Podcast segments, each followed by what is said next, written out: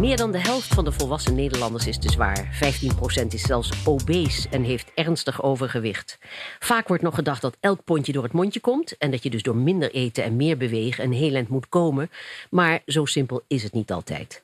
Welkom bij BNR Over Gewicht gesproken, de podcastserie over obesitas. In deze eerste uitzending is mijn gast Mariette Boon, internist in opleiding bij het Leids Universitair Medisch Centrum, het LUMC. Samen met Liesbeth van Rossum, internist en obesitasprofessor in het Erasmus Medisch Centrum, schreef zij het boek Vet Belangrijk. Ja, dat is een mooie titel, want vet is in modern Nederlands inderdaad vet belangrijk, hartstikke belangrijk in ouderwets Nederlands. Anders schrijf je er ook niet een heel boek over. En wij de er geen podcast aan, zo zit het ook weer. Welkom. Mariette, om te begrijpen waarom de ene mens dikker is dan de andere, moeten we eerst weten wat vet is.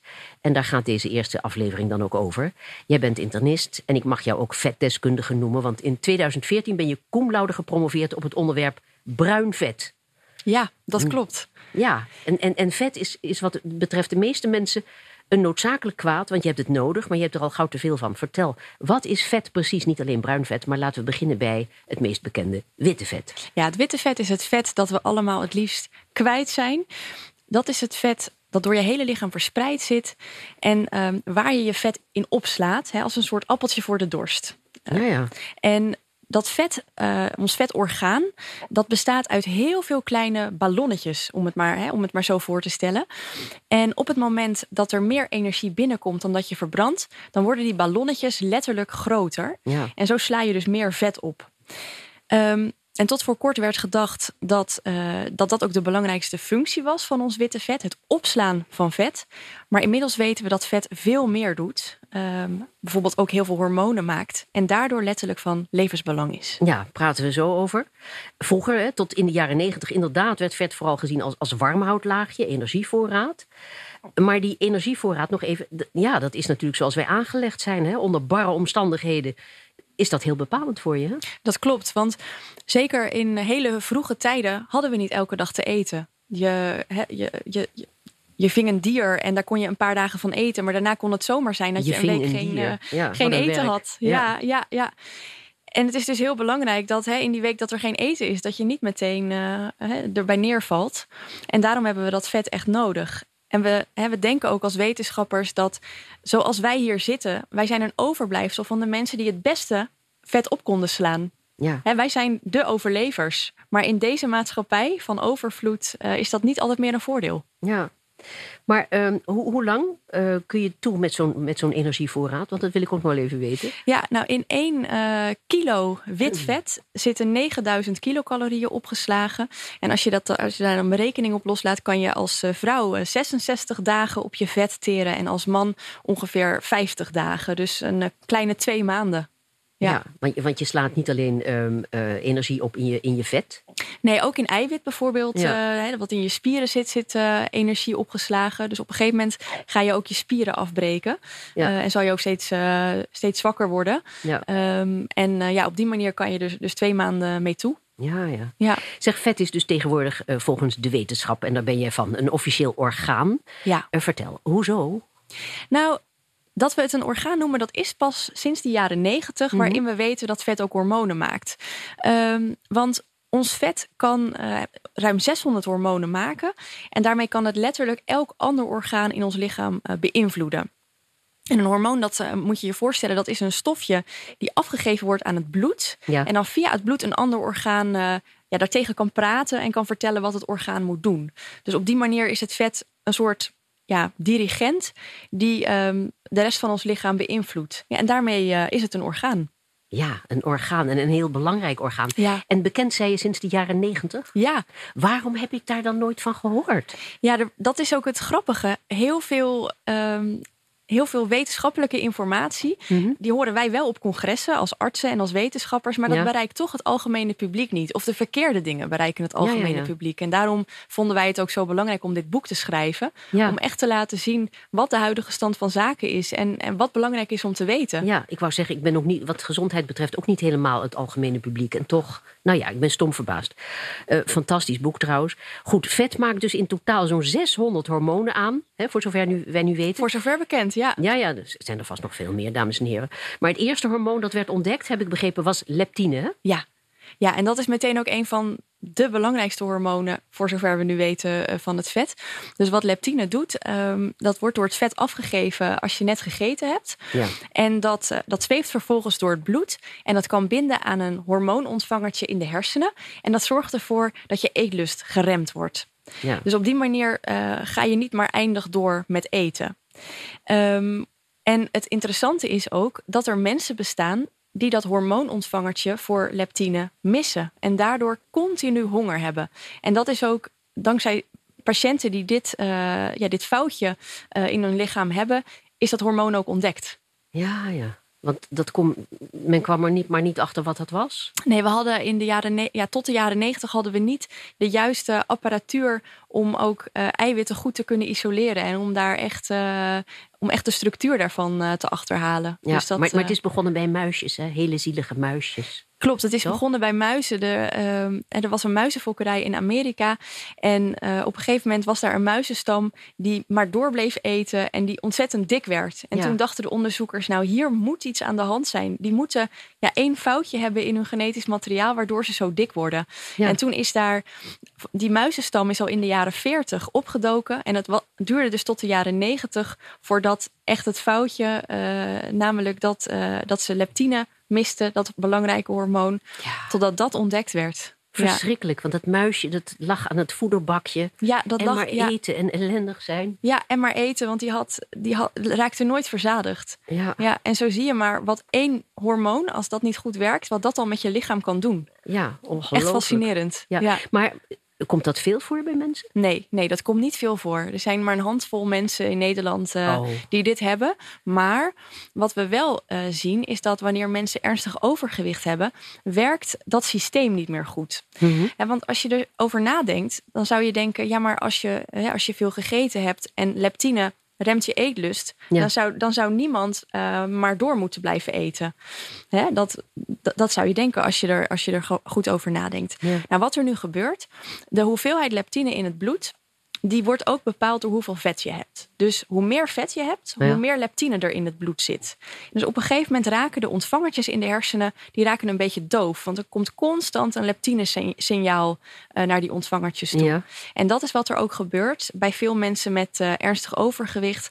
Dat die signaaloverdracht niet meer goed werkt. Ja, en dat ze daarom niet meer goed verzadigd raken. Ja, want met te veel vet, uh, citeer ik ongeveer op mijn herinneringen uh, staat er in jouw boek. Want als je te veel vet hebt, dan raakt de dirigent van slag. Ja, ja, en dat is dus ten eerste vanwege dat het leptine, uh, er wordt veel te veel leptine gemaakt. Ja. Um, en daardoor raakt de dirigent van slag. Maar uh, het vet functioneert goed als alle hormonen die door het vet mm -hmm. gemaakt worden goed in balans zijn. Ja, ja. Dus om een voorbeeld te geven, um, het vet maakt meerdere hormonen die uh, ervoor zorgen dat de bloeddruk stijgt, maar mm -hmm. ook hormonen die ervoor zorgen dat de bloeddruk zakt. En normaal gesproken zijn die in balans en heb je een gezonde bloeddruk. Ja. Op het moment dat je te veel vet hebt, uh, zijn er meer hormonen die de bloeddruk doen stijgen, uh, waardoor die, je een hoge bloeddruk komt, krijgt. Er komt, er komt geloof ik een soort ontsteking, hè? Ja, ja, dus wat er ook gebeurt is dat er een ontsteking komt. Het vet wordt ziek. Het vet wordt ziek. Er komen ontstekingscellen en die maken ontstekingsstofjes. En die hebben ook weer allerlei effecten op allerlei organen in het lichaam. Ja. ja. Dat doet te veel vet, ziekelijk veel vet. Ja. Maar uh, als je te weinig vet hebt, nog ja. eventjes daarover. Dat is ook niet goed. Je hebt ook een bepaalde hoeveelheid vet nodig om uh, gezond te zijn. Um, dat heeft ook weer met het leptine te maken. Mm -hmm. Want als je te weinig vet hebt, maak je juist te weinig leptine. Um, en wat er dan bijvoorbeeld gebeurt, is dat uh, er in de hersenen een signaaltje komt dat uh, de vruchtbaarheid stopgezet moet worden.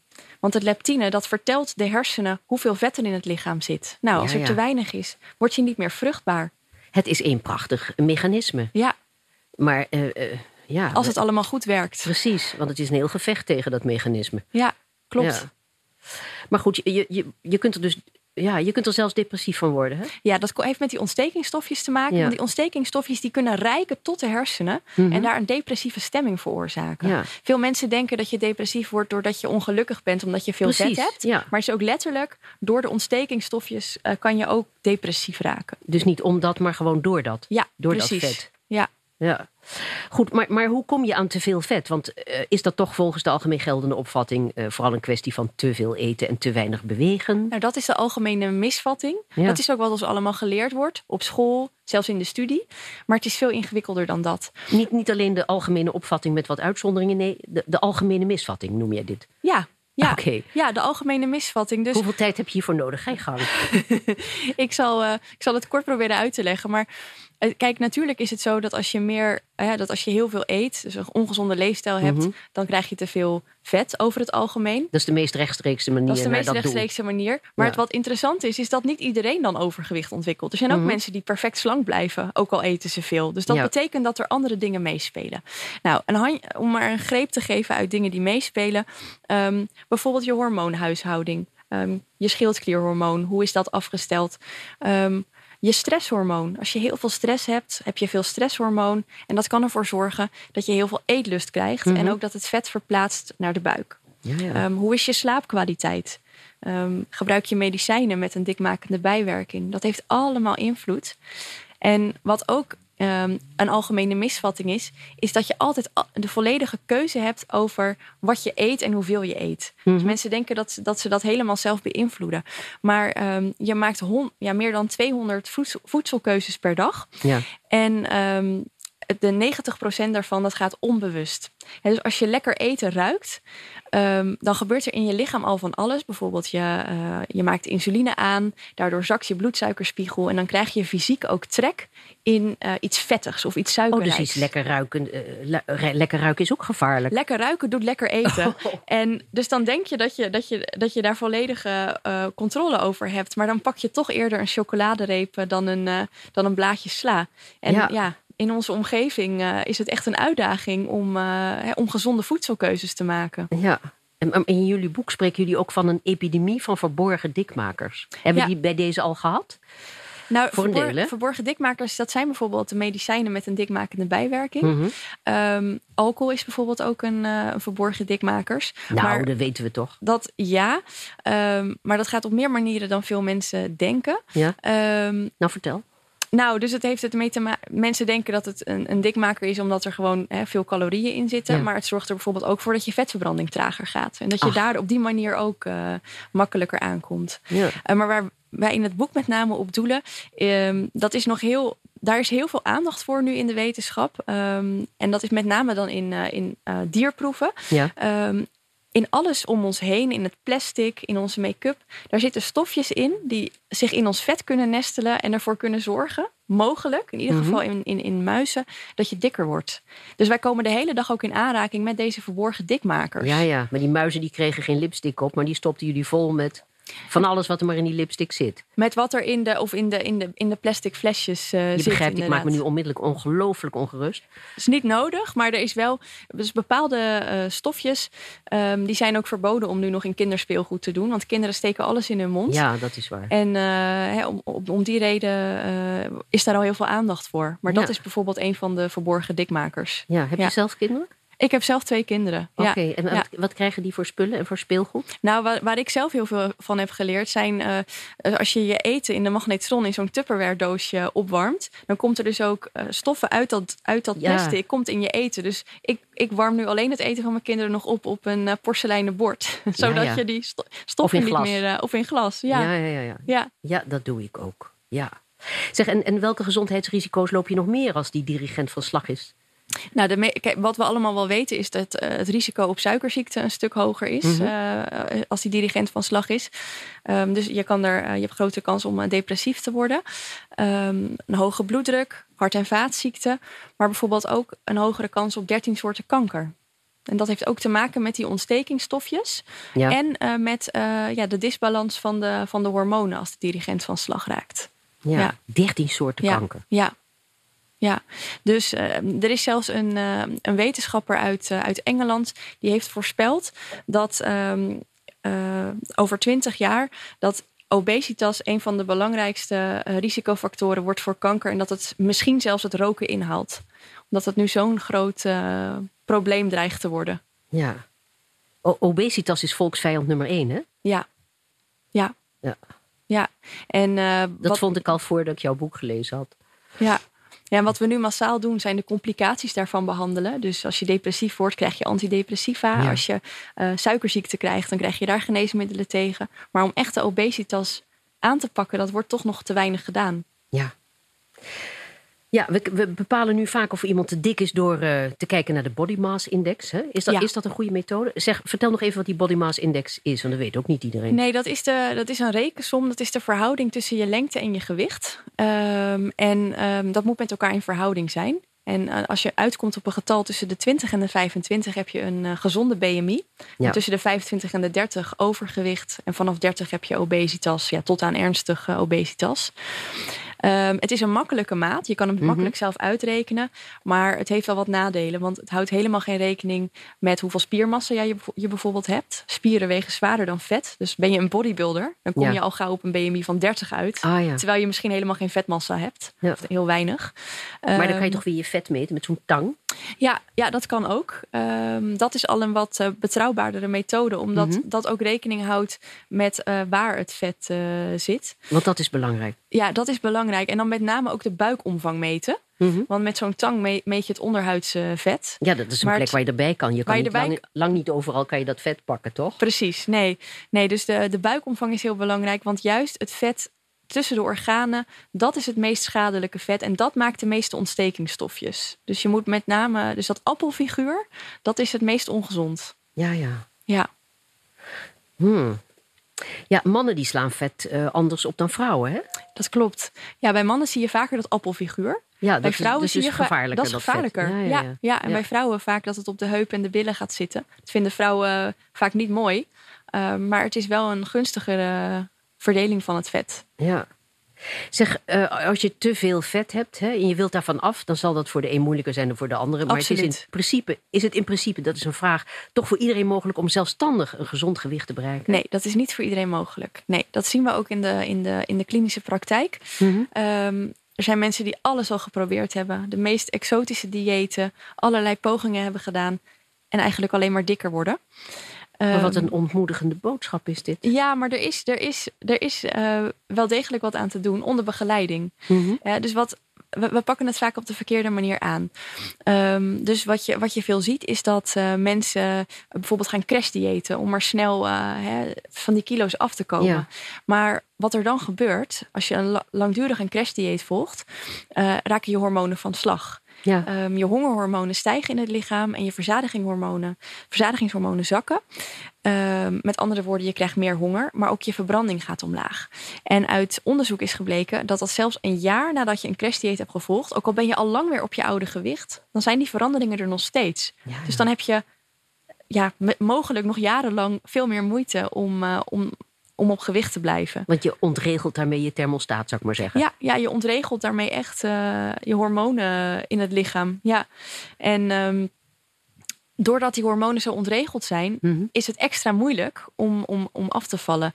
Dus nou ja, als mensen al jaren van alles geprobeerd hebben, dan kunnen ze uiteindelijk verwezen worden ook naar een, uh, naar een kliniek. Mm. Uh, daar wordt ook het hele plaatje bekeken. Niet ja. alleen het eetpatroon, maar ja, al die andere factoren die ik eerder al noemde, zoals het slapen, de stress, uh, de medicijnen die mensen gebruiken. En, um, en waar nu veel aandacht voor is, is een zogenaamde gecombineerde leefstijlinterventie. Ja. Waarin niet alleen gekeken wordt naar het, uh, het eten en het bewegen, maar waarin ook gekeken wordt naar uh, de psychische effecten en gedragsverandering. Ja. Veel mensen hebben zichzelf toch verkeerd gedrag aangeleerd. Uh, uh, of die eten op de verkeerde momenten. Mm -hmm. Of die nemen altijd een, een, een toetje of een koekje bij de koffie. Nou ja, op die manier kan je al heel veel bereiken als je dat aanpakt.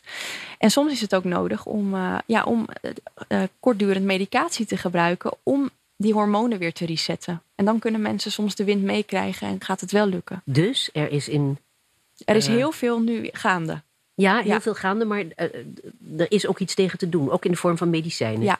ja. Dat, klinkt, dat is natuurlijk. Ik, ik, uh... Maar dat is niet dat we iedereen aan de medicijnen willen nee. hebben. Maar hè, als, als, als niks lukt, dan uh, kan dat een manier zijn om toch die eerste 8 à 10 kilo kwijt te raken en die hormonen weer te resetten. Ja. Waardoor het uiteindelijk toch, toch wel lukt. Ja. ja.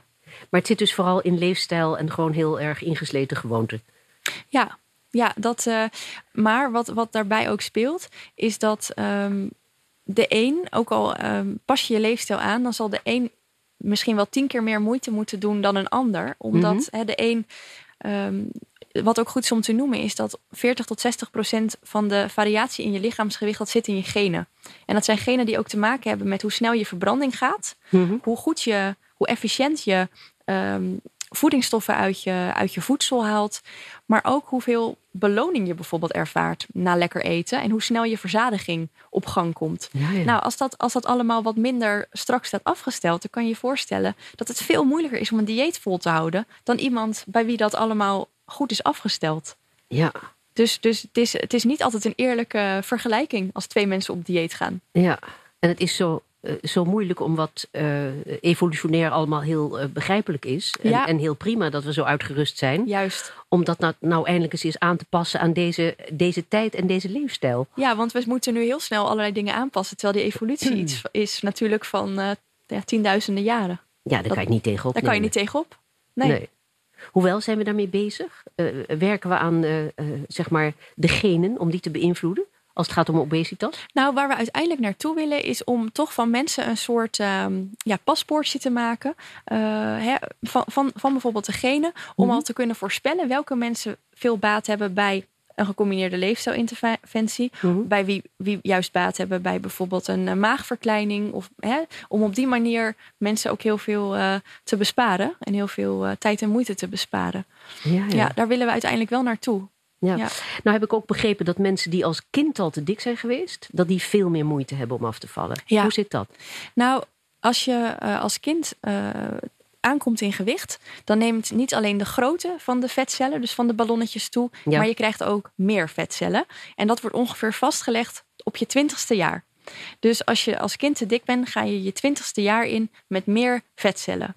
En als je vervolgens afvalt. En dat is het eikpunt voor de rest van je leven? Dat is het eikpunt voor de rest van je leven. Ja. En als je dan dus af probeert te vallen als volwassene, ja, dan heb je heel veel vetcellen um, die hongerig raken. En die uh, dat weer te niet proberen te doen. En dan heb je veel meer moeite om, uh, om uh, weer terug te gaan naar de, hè, naar de situatie waarin je slanker bent. Maar ik zeg eikpunt, maar dat betekent ook dat uh, dat vet, hè, dat orgaan, dat dat dus ook regelt. Ja, dat, is, dat, is dat gaat tegen je werken dus. Dat klopt, dat gaat terugvechten. Dat is echt fascinerend. Nee, uh, terugwerkend vet, hou op. Ja, het, nou ja, het is eigenlijk wil je dat natuurlijk niet. Maar wat mhm. we zelf zien, zelfs uh, zien, is dat als je een liposuctie ondergaat, waarin je dus letterlijk vet wegzuigt bij iemand, komt bij de helft van de mensen komt het vet op een andere plek weer terug. Dus je, je vet is in staat om zijn aantal grof, grof, ja, grofweg gelijk te houden. Het vet wint. Het vet, ja, wint. Ja. Ook, ook al wordt degene van wie dat vet is, bij wie dat vet hoort, zou ik dan maar zeggen, uh, daar de negatieve gevolgen van ondervindt. Ja. Eenmaal verkeerd afgesteld betekent dat je. Ja, je hebt levenslang. Je ja. hebt levenslang. Ja. Ja, maar, maar dat betekent dus dat je regelmatig mensen in je spreekkamer krijgt waarvan je weet dat ze nooit zullen kunnen afvallen. Ja, of bij wie het heel veel moeite zal kosten. Ja. Ja, ja en dat is, dat is heel schrijnend, want dat zijn vaak de mensen die de meeste moeite doen mm en die toch dan het minste resultaat uh, boeken. En, uh, maar soms zijn die wel geholpen met uh, bijvoorbeeld uh, ja, een radicale ingreep, zoals een bypassoperatie van de maag. Ja. ja, dat is een vreselijke boodschap. Ja. Of vertel je die mensen maar niet dat ze kansloos zijn? Nee, we of vertel... het woord kansloos neem je niet in de mond. Dat nemen we nooit in de mond, maar we, we vertellen wel dat het een hele lange weg gaat zijn. Mm -hmm. en, en dat mensen hè, hun leven lang daarvoor moeten werken. Maar dat is ook belangrijk, want je moet ook een beetje uh, verwachtingsmanagement doen. Hè? Als je bijvoorbeeld een maagverkleining ondergaat, wil dat niet zeggen hè, dat het allemaal maar vanzelf gaat. Dat het ja. blijft keihard werken. Ja, en dat is niet eerlijk en dat is heel, heel naar. Daar, dat vind ik ook heel erg om dat mensen te moeten vertellen, maar het is helaas wel de realiteit. Terwijl die mensen toch vaak zo'n operatie ingaan, heb ik de indruk althans. Uh, met een heel andere verwachting. Dan is het voor de rest van je leven geregeld. Ja, ja zo makkelijk is het helaas niet. Nee. Heb je daar voorbeelden van, van? Van mensen in jouw praktijk die je dan vervolgens moet begeleiden? Ja, er zit altijd een. Eh, sowieso zit er al een begeleidingstraject voor. Voor zo'n mhm. maagoperatie. Ook vanwege dat verwachtingsmanagement. En hoe, ja, of we denken dat iemand het uh, psychisch aan uh, kan. Ja. En die worden daarna natuurlijk ook begeleid. ook omdat door zo'n operatie verschil, heb je alleen al dat je tekorten kan krijgen van verschillende vitamines. Dus dat is ook heel belangrijk om dat goed in de gaten te houden. Ehm, maar inderdaad ook om, om te begeleiden hoe het, hoe het blijft gaan. En, Ik wou zeggen, want mensen hebben dus na die operatie ook vrij intense begeleiding nodig. Ja, absoluut. Want kijk, het is het is een hele leefstijlverandering ook. En dat moet, uh, je moet echt proberen om dat, om dat vol te houden. En ja. uh, um, wat het positieve is van zo'n uh, van zo'n ingreep, en mensen vallen vaak heel veel af, zeker in het begin, is dat ze vaak. Um, als ze suikerziekte hebben, mm -hmm. al in korte tijd van hun suikerziekte af zijn. En dat is ontzettend motiverend ja, voor mensen. Ze zijn van hun insuline af, ja. hun lichaam verandert. Want dus insuline werkt ook tegen, hè? Ja, dat is ook een, eigenlijk een dikmaker. Dat zorgt ja. er ook voor dat het vet makkelijker vet vasthoudt. Dus dat is ook een hele nare boodschap voor mensen die dus uh, hè, te dik zijn, insuline spuiten voor een suikerziekte. Maar vervolgens zit er een soort rem op het afvallen. Ja, ja, precies. Ja. Ja, want door, doordat je insuline spuit, uh, word je, kom je wat aan. Vervolgens ben je wat ongevoeliger voor je insuline. En moet je meer spuiten. En moet je meer spuiten. Dus je komt in een soort negatieve spiraal. Vreselijk. Ja. Ja, ja. ja dat heb ik zoveel gezien. Ja. Ja, wij zien dat ook hoor. Dat mensen ja. over de jaren steeds meer insuline gaan spuiten. En dat moeten we dan proberen te doorbreken. En dat is, dat is absoluut mogelijk. Ook met, uh, met, hè, met gezonde voeding. Uh, dus het is absoluut niet altijd uh, een, een, een, operatie van de maag nodig. Integendeel. je kan al heel veel met gezonde en goede voeding bereiken. Ja. En dan, krijg, en dan op een gegeven moment kom je in een situatie dat je steeds minder insuline nodig hebt. En dan krijg je de wind mee. Ja, en dan gaan mensen echt resultaten boeken. Maar het betekent dus ook dat mensen goed geïnformeerd moeten zijn, willen ze de moed erin houden. Hè? Ja, ja, en wij vinden het ook heel belangrijk dat ook de omgeving goed geïnformeerd is. Ja. Want um, als je dus uh, telkens als het niet lukt met het afvallen, hè, omdat ook je vet terugvecht, letterlijk, mm -hmm. um, dan kan je wel eens negatieve reacties van je omgeving krijgen. Van hè, het is weer niet gelukt. En hè, nou, je hebt vast geen doorzettingsvermogen dat het je niet lukt. Maar het is heel belangrijk om je te realiseren dat, dat er zoveel systemen zijn die nog ontregeld zijn en die tegen je werken. Ja. Dat het allerminst met, uh, met alleen wilskracht te maken heeft. Ja, maar het komt er dus op neer. Voorkomen is beter dan genezen, dat wisten we al. Ja. Maar dat je moet zorgen dat je als kind niet te veel van die vetcellen vormt. Ja, ja, dus het is heel belangrijk om in die kindertijd om dat goed aan te pakken. En om te voorkomen dat onze kinderen te dik worden. Ja, geen machteloze partij dan uh, het kind in dit geval. Dus Ja. de boodschap is vooral uh, aan ouders, uh, die het lang, ook lang niet altijd goed doen. Of begrijpen hoe het in elkaar zit. Ja, het is ook een stuk onwetendheid inderdaad. Ja, ja, ja, dus om, om maar één voorbeeld te noemen. Um, wat we heel vaak doen, hè, als je kind valt, hè, dat vind Mhm. je heel erg. Hè, of als je kind zich bezeert, Ja. zeggen we, oh, hier heb je lekker snoepje. Op een gegeven moment vor- vormt zich dan ook een systeem Mhm. in je kind dat, uh, hè, dat met lekker eten, dat je jezelf beloont. En dat Ja. kunnen we al vanaf dat ze twee zijn, kunnen we dat, uh, hè, bouwen we dat in. ja, het En, moet een ehm, dikke knuffel worden.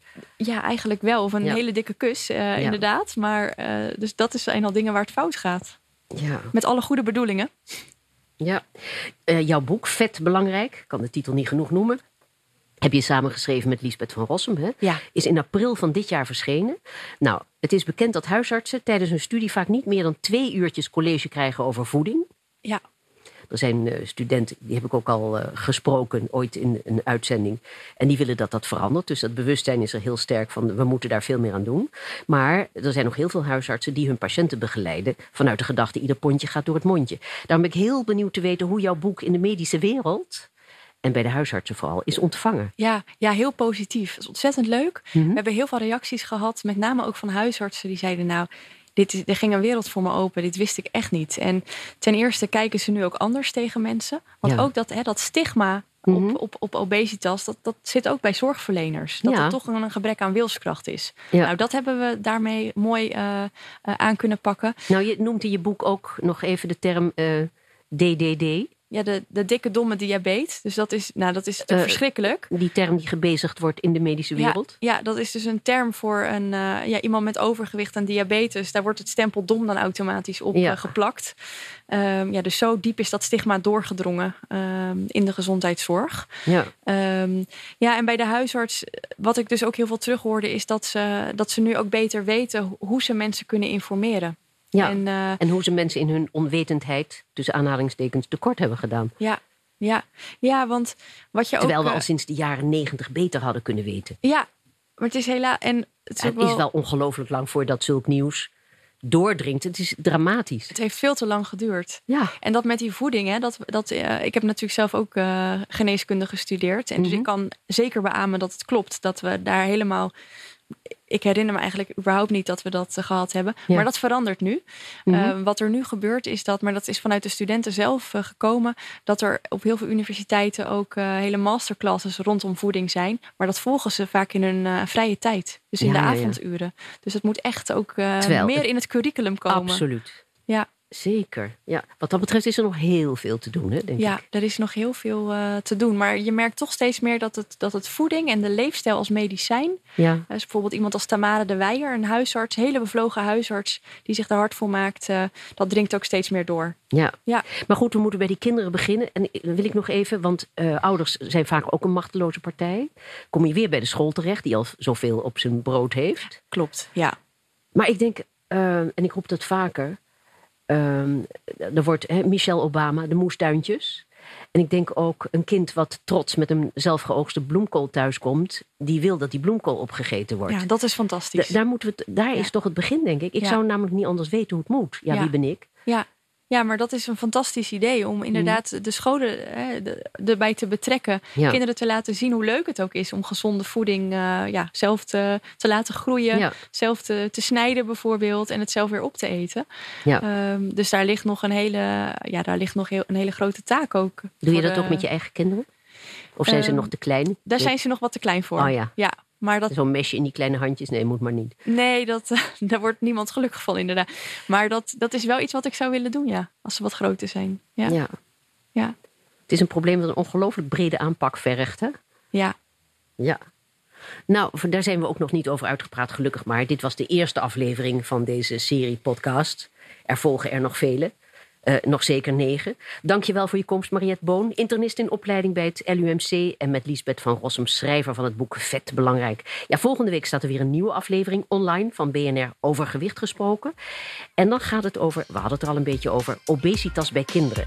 Mijn naam is Harmke Pijpers. U hoort nog van mij.